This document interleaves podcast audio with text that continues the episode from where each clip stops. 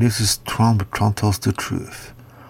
Well, I'm lost count of days, I lost count of time. It's April, sometimes we feel like May, sometimes we feel like March, but soon is the 1st of May, and that is the International Labor Day. Yes, I know you have Labor Day on different point United States, but the International Labor Day is the 1st of May. So, I hope you protest in the way you can. Corona crisis has shown one thing that the rich and powerful just want to stay rich and powerful, and the other people are gonna die for their causes. Sacrifice yourself for the economy, which a conservative talk show host says. Yes, that means you ordinary people gonna die for the economy.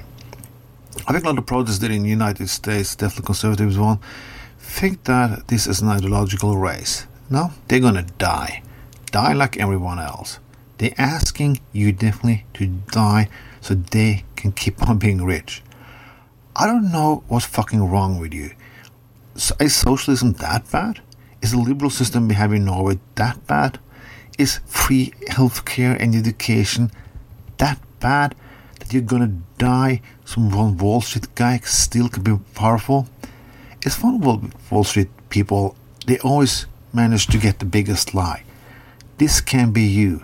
Yes, the national lottery also can be you. One in a million. Yes, maybe if you are lucky, because this is not you. It's happened a lot during this crisis that we have to see on a general term. People who work have to unite over races, over borders, over everything. Because it's one thing this crisis have shown us that people on the top don't give a shit. The middle class who's coming up a little, they don't care much they either. So we are stuck in this alone. I heard a lot of people applauding for nurses and so on, but yeah, it's coming now to an ordinary day when these people still gonna work with things who are horrible, but you don't see. You're just used to getting along.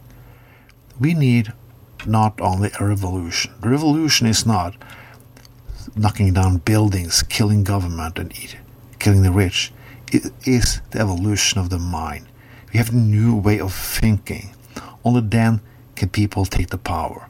Because this, we can doing regime we had in Eastern Europe is not the way. It's the same shit with a new wrapping. Power corrupts anyway. What we need is a new, fresh revolution of the mind. We need people who have a decent wages, people not stressed, not sick, don't have to be afraid of getting along. If if you don't have, if you're gonna lose your job and you cannot have money for the next month, you only live, you leave a, a paycheck behind. You're not living a life. You're living anarchy.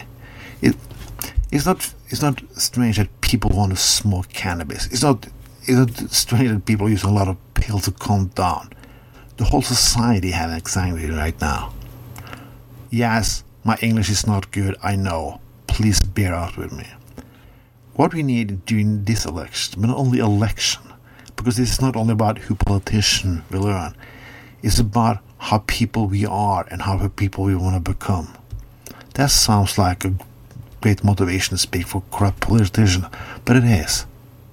This world will not go along, will not move in the right direction if we don't do the revolution in our own mind. Nobody's gonna fucking save us. Their traditions is not gonna save us. Things we have done in the past is not gonna save us. A constitution is not gonna save us. Only we can save ourselves. Let the 1st of May be a start on that. Join solidarity with everybody who's on strike. Yeah, I know it's a crisis, but support the strikes for workers in Amazon and everywhere else. Because we can create a little revolution, remember?